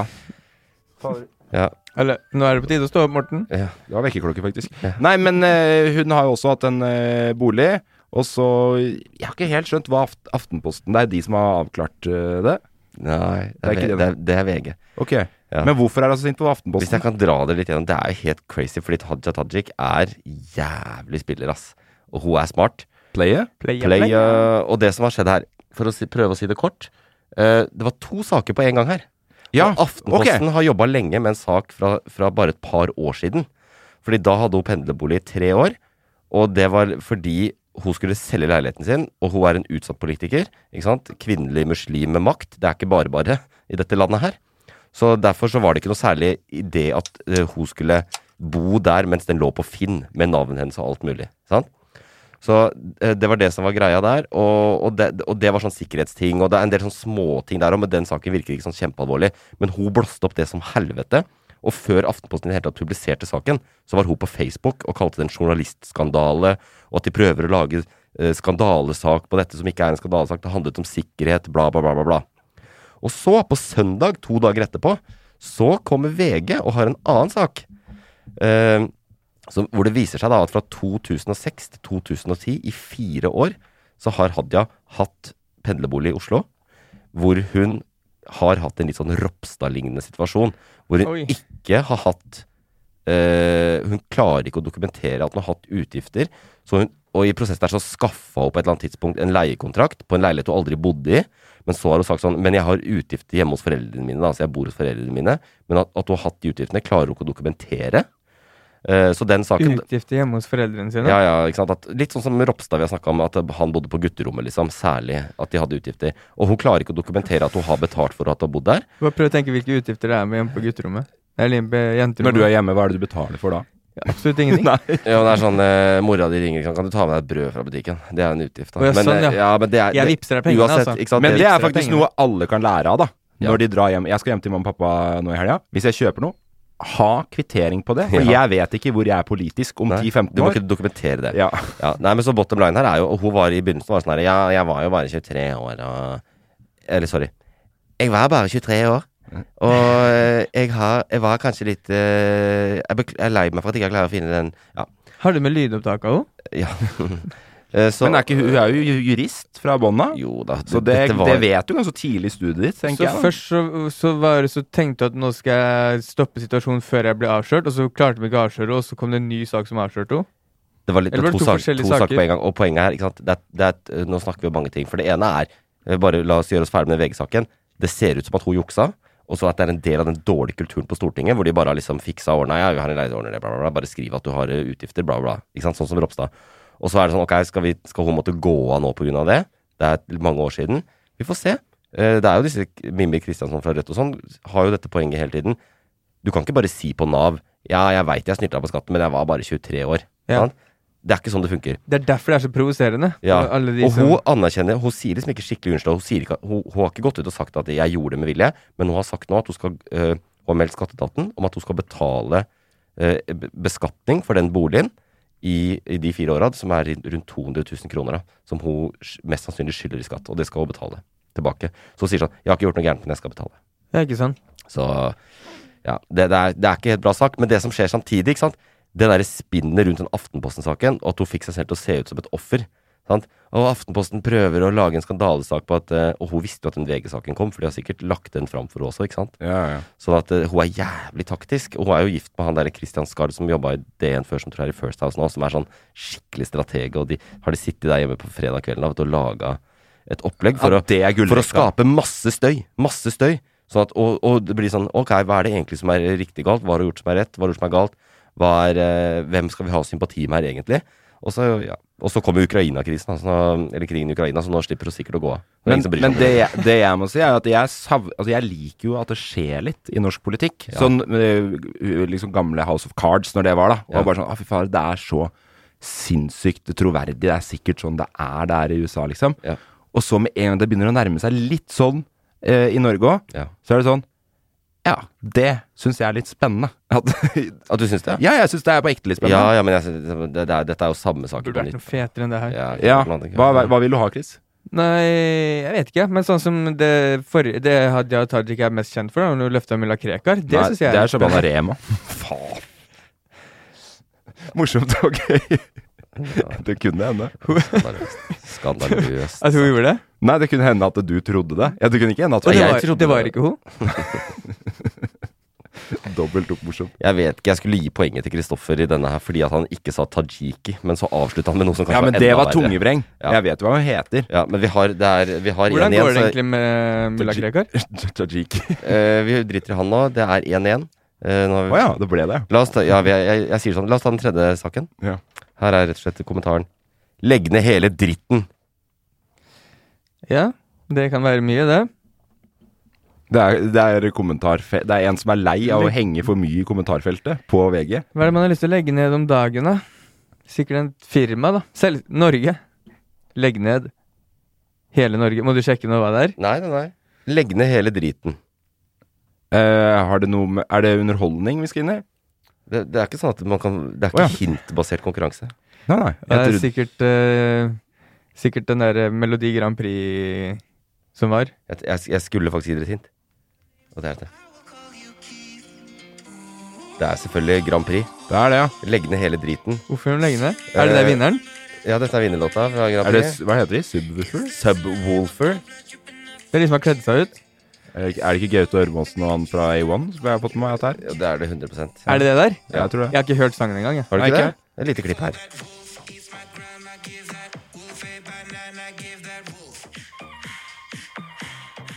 Give That Wolf a Banana heter sangen. Vant de kun fordi de kom rett fra Maskorama, eller hva er greia? Ja, de har jo tatt konseptet. De har stjålet et konsept her. Men det her er den eneste kommentaren jeg er 110 enig i. Legg ned hele driten. er det sant? Ja, fy fader, er det noe jeg er dritlei, så er det Melodi Grand Prix. Er, ah, Her sitter eh, Norges største Melodi Grand Prix-fan ja, ja, sitter i rommet. Legg ned hele dritten. Ja, fordi musikken er dårlig, eller?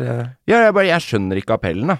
Nei. Eller bare sånn Å ja, er det det Fordi hvis det på ekte hadde vært det beste hver nasjon kom fram til, da, Ja. så er jo det veldig trist for absolutt alle involverte. Alle nasjoner i hele verden er det. Ja, men det er det jo ikke. Det er jo en slags sjanger i seg sjøl. Ja, som man kan utfordre og Nei, det er på ekte. Det er Det her er det mest Det her er det beste driten som hver land klarer å, å komme fram til.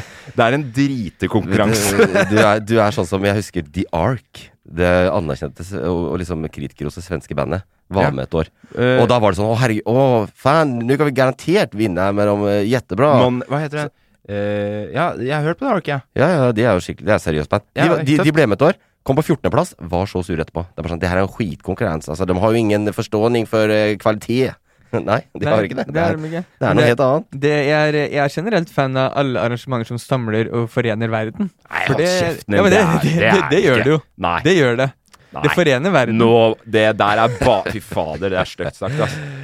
Ja, det er sånn der Russland sender en sang om verdensfred, og så er det liksom Ukraina og Russland som kjemper i toppen og sånn. Det var 2016. Wind of change. eh, Ja. Men ehm, eh, hvorfor Jeg likte i går Nei, i fjor. Var det, var det i fjor de eh, italienerne måneder siden vant? Ja, må, ja. Fordi det jeg syntes var kjempegøy der, var skandalen etterpå. Har han snorta coke Ja. fra det bordet rett etterpå? Og da tenkte jeg det her er det Melodi Grand Prix trenger. Du trenger mere skandaler i den skalaen. Ja. Eh, Kjempeskuffa når det viste at han ikke hadde rocka det helt ut. Ja, han tok jo narkoprøve. Men så tenkte jeg gjør det mye Altså Tenk hvor morsomt det hadde vært at du skal Melodi Grand Prix Ja. på narkotika. At bare ok, Ja. her, kommer, her kommer Island med sin sang eh, 'Fly on the Volcano'. Ja. På Og så- Flein. Ja, og det skal gjøres opp av hatten på Flein. Der. Så de er klare om en liten stund. Jeg tenker alltid på er der, jeg. i mitt, I mitt virke Ja. så tenker jeg alltid på hvordan kan vi pushe det ett steg lenger. Ja. Det, eh, eh, du kan jo lage en alternativ vri, men hva, hva, hva er din syn, Øyvind? For du er fan. Jeg elsker Eller jeg er glad i Grand Prix, og jeg elsker Eurovision. Altså den, den europeiske konkurransen. Ja. Den, det er det beste jeg veit, og jeg holder kanskje Norges beste Eurovision-fest. Uh, og bare elsker hele greia. Aldri blitt invitert. Syns det er dritfett. Kommer ikke til å bli invitert etter det her. Uh, nei, det spørs hvor mye dere hater. Men uh, nei, eh, Grand Prix har tapt seg noe jævlig, syns jeg. Eh, jeg Grand Prix er det savner- Hvor er Per Sundnes? Altså Per Sundnes revolusjonerte Grand Prix. Det var delfinaler, det var stort folkelig engasjement. Det var faktisk Nei, det var bare bra, og nå er det bare ræva. Jeg var helt ærlig. Jeg Og NRK jeg rigga hvem som skulle vinne. Jeg har ikke fått med meg at det har vært Melodi Grand Prix. Nei, Før- da har du levd jeg, under jeg en stein, da. sverger, før de der maske, utkledde Maskorama-bassene var noe sånn At Ja. de var plassert i feil rom, at folk kunne se hvem de var, eller et Ja, eller ja, ja, det er- det er det eneste jeg har fått med meg. Ja, det var han derre surmaga Aftenposten-jævelen som også vil legge ned hele dritten, tror jeg. Som, eh, som hadde Altså, presserommet under finalen på Fornebu var ved siden av garderoben til Subwoolfer. Altså, Subwoolfer hadde garderoben nærmest. Så han der i presseduden bare titta inn døra, der sto Gaute Ormåsen og Ben Adams, liksom. Eh, Fun fact der òg. ja. I går så var det mm, en sak på Jeg tror det var VG, faktisk. Mm. Der eh, de la ut og sletta igjen.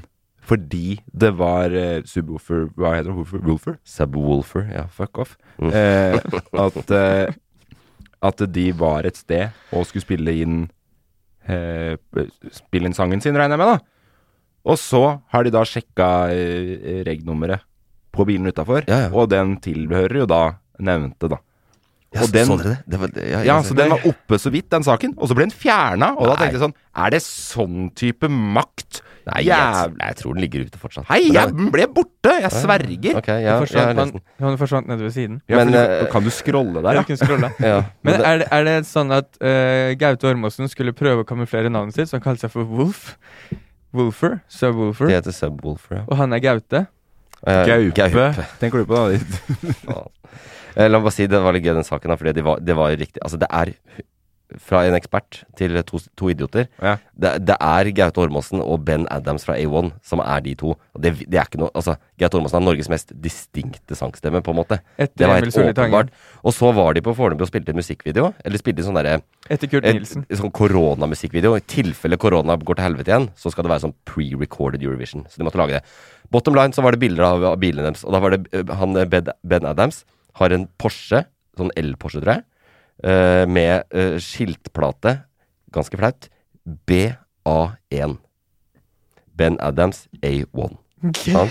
BA1. Det var skiltplata. Det har jeg betalt 9000 kroner for til, til Statens vegvesen. Og så var det bilde av den. Uh, her er bilene til de Og vet du åssen bil uh, Gaute Orm- Ormesen har? Volks, Volkswagen Up. Er det sant? ja. Så var det bilde av de to bilene siden av hverandre. Men hvilket skilt hadde Gaute? Vanlig. Det var eh, Han har orm, DR3784. Orm inni der også. DR 42069, sier du? Er det Eh, Jeg bare sa, et, jeg sa det. Er det ja. Hæ? Men Sub, sub eh, Wolfer burde skjøtte seg som Base Hunter. Hvorfor det? Det er to basser. Å ja, sånn, ja. Ja. Guri land. Nei Morten eh, tenker ennå. Ja. Nei, jeg hadde egentlig tenkt at vi, har- vi, vi går så langt ja. Base, subwoofer. jeg håpte, jeg håpte jeg skulle få litt gehør for eh, Eurovision-engasjementet mitt, Men men, det, det, får jeg ikke her. var det det at du skulle fortelle at de vant, eller at de ble, fant ut hvem de var? Hva, Ja, hva var saken? Eh, saken er det at, uh, at uh, europeiske Altså, det er jo en craze, ikke sant? Hvis YouTube, og det er så mye reaction-videos rundt dette Eurovision-greiene. Og de europeiske ekspertene og alle mulige forstår seg på det, jeg mener nå de må ikke ta av seg maska. De må ikke avsløre seg nå før Eurovision, for da forsvinner all mystikken. Og det er så spennende å ikke vite hvem det er.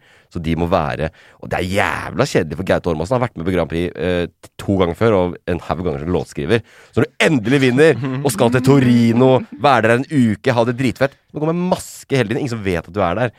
Det er litt kjipt. Jeg hadde fått mad eh, sånn At jeg hadde blitt redd for å svime av. Hvis jeg skulle hatt på meg sånn maske når jeg skulle gjort noe fysisk aktivitet. Ja, men jeg tror de har sånn hull rundt munnen. Ja, sånn. men det, det blir fortsatt dritvarmt, da. Ja, det gjør det. Men Gaute Ormåsen, det er på ekte, nå spør jeg, det er han som var på Idol?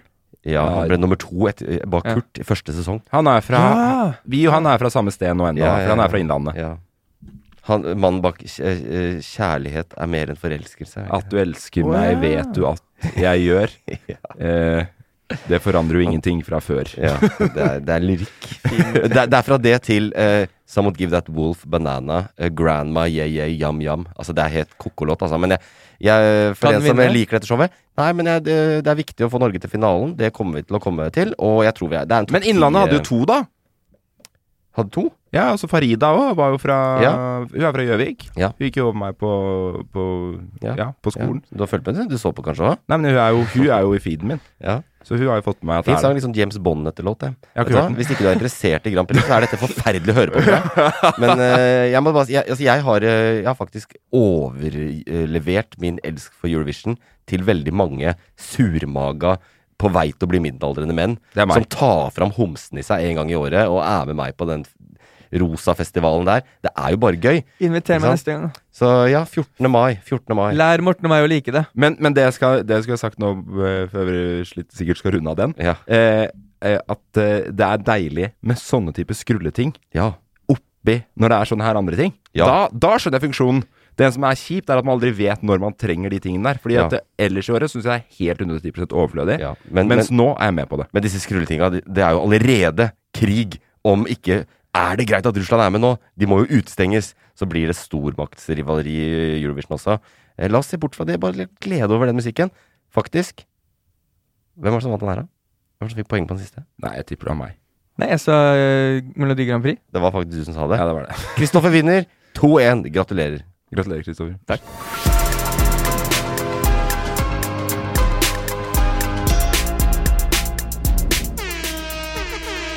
Og da har vi på en måte slutta sirkelen fra eh, den første triste sakene til noe litt mer lettbeint, litt mer hyggelig. Livet går sin gang. Uh, er vi klare til å gå inn i helga litt oppdatert på ting som har skjedd? Jeg har lært masse. Jeg har lært mye mer enn jeg trodde. Ja. Uh, kunne også mer enn jeg trodde. Ja. Syns du ikke det? Jo, det er Jeg føler ikke Det er ikke vanskelig å ha deg med. Nei, jeg har ikke dratt uh, ting ut. Uh, jeg synes det har vært veldig Setter på en tier, og så prater jeg. Ja. Det er ikke Det er veldig bra, fordi Kristoffer har vært litt roligere enn vanlig. Og det er jo fordi han er jo dævsjuk der han sitter. Ja, ja. Ja, ellers er det fordi at det er en annen alfa i, i rommet her nå. At, han får, at han blir litt mer beta. Ja, kanskje det er det. Det er akkurat det der. er det. Du, ja, du blir en subwoolfer. det? Syns jeg var gøy. Ja, det- det, det er Grand Prix-content som treffer meg rett i adamseplet. Ja. ja, men det er bra. Det er, vi er veldig glad for at du kom. Tusen hjertelig takk Det for var at veldig du hyggelig å ha deg med. Helt på tampen kan jeg bare spørre. Det kan du. Uh, hvem heier dere på? I I mellom Russland og Ukraina? Ble vi ikke enige om det i stad, holdt jeg på å si? Nei, jeg tror ikke vi det jeg aldri. heie på noen. Hva mener du da? Hvem er dere håper vinner? Jeg håper eh, Det er, det er bare tapere uansett i krig. Men eh, det, hvis jeg kan nå avslutte med noe Ja. vi, eh, Hvis jeg kan bare avslutte med noe. Nei, VG, Ja. veldig gode på sånn når det er hver gang vi møtes og alt mulig sånn, gi terningkast underveis. Ja. I stad så føltes det litt ut som det var en sånn type nyhetssender, bare at det var litt sånn Vi gir terningkast på krigen minutt for minutt, liksom. For da var det bare sånn overlegne. Så ja, i media? Ja. Ja. VG. Ja. Overlegent Ja. var overskriften. Ja, sånn, liksom. ja. At, altså, Ja, ja. det, og det, jeg fikk veldig sånn bare Ok, her, er- nå er det siste episode av hver gang vi møtes. Ja. Nå skal vi anmelde alt som skjer minutt for minutt, Det liksom. er jo sånn. Det, det, det, er, det er bare støy. Det er best å ikke lese alle disse nyhetene, ikke sant. Men du, eh, hvor er det du henter nyhetene dine herfra? Hvis du kunne anbefale meg, da, Ja. på hvor jeg skal finne nyhetene mine Ja, det- om det her. Ja, det er eh, Jeg leser litt norske store, og så leser jeg eh, litt Som utenlandsk. Eh, VG, OA. OA. VG, NRK særlig. NRK, ja. Ja, og Aftenposten. Ja. Og så er det fint å gå til eh, andre land. Så det er jeg, The Guardian, BBC, eh, New York Du, Times, du nevnte Fox News i stad. CNN. Fox det... News. Ja, men gå inn der. Jeg har vært mye på Russia Today de siste to dagene. Ja. Og se hvordan de snakker om det. Det er interessant. Men selvfølgelig gjør det med bevissthet rundt at du, det er eh, kanskje et innhold som ikke er helt bra. Eh, så det er liksom det. Og så er det da Twitter. Jeg har virkelig oppdaga at eh, Twitter er jo Der kan du følge krig i real time Reoppdaga Twitter. Ja, men at eh, der, er, der kommer det videoer, liksom, fra fronten. Altså, Der skal man være litt forsiktig òg, for det er, Ja. der kan det være mye grotesk. Ja, hvis du er under eh, 14 år, så vil jeg kanskje Men ikke uansett hvor gammel du er, vær forsiktig. Det er grotesk. Ja. Det er Så ekkelt å se ansvarlig du er nå. Ja, men det er, det, Det er da man får realiteten helt inn. Ja, det. Det kan bli på netthinna. Det er sant. Men uh, la, oss, vi- la meg bare avslutte med å si at denne podkasten er tilbake neste uke. Hvis vi ikke er på østfronten og sitter i kringvern og uh, Jeg er ikke, forsva- jeg er ikke, jeg er ikke tjenestedyktig. Det gjenstår å se. Eh, Jeg tror i den europeiske storkrigen så tror jeg at alle disse tjenestedyktige tingene, de forsvinner. Du, og I verste fall så kan du være båre. Har tics i fingeren. ja, nei, vi får håpe det går minst mulig ille. Men uh, igjen, takk for at du var med. Takk for at Eh, jeg fikk komme. Vi er tilbake neste uke, og vi heier, eh, vi heier vel på Ukraina, tror jeg. Vi heier på Ukraina. Produsert av Loff. Selling a little or a lot? Shopify helps you do your thing however you cha-ching. Shopify is the global commerce platform that helps you sell at every stage of your business. From the launch your online shop stage to the first real life store stage, all the way to the did we just hit a million orders stage. Shopify is there to help you grow. Shopify helps you turn browsers into buyers with the internet's best converting checkout. 36% better on average compared to other leading commerce platforms because businesses that grow grow with Shopify. Get a $1 per month trial period at shopify.com/work. shopify.com/work. Hey, it's Paige DeSorbo from Giggly Squad. High quality fashion without the price tag. Say hello to Quince. I'm snagging high-end essentials like cozy cashmere sweaters, sleek leather jackets, fine jewelry, and so much more. With Quince being 50 to 80% less than similar brands. And they partner with factories that prioritize safe, ethical, and responsible manufacturing. I love that. Luxury quality within reach. Go to quince.com slash style to get free shipping and 365 day returns on your next order. Quince.com slash style.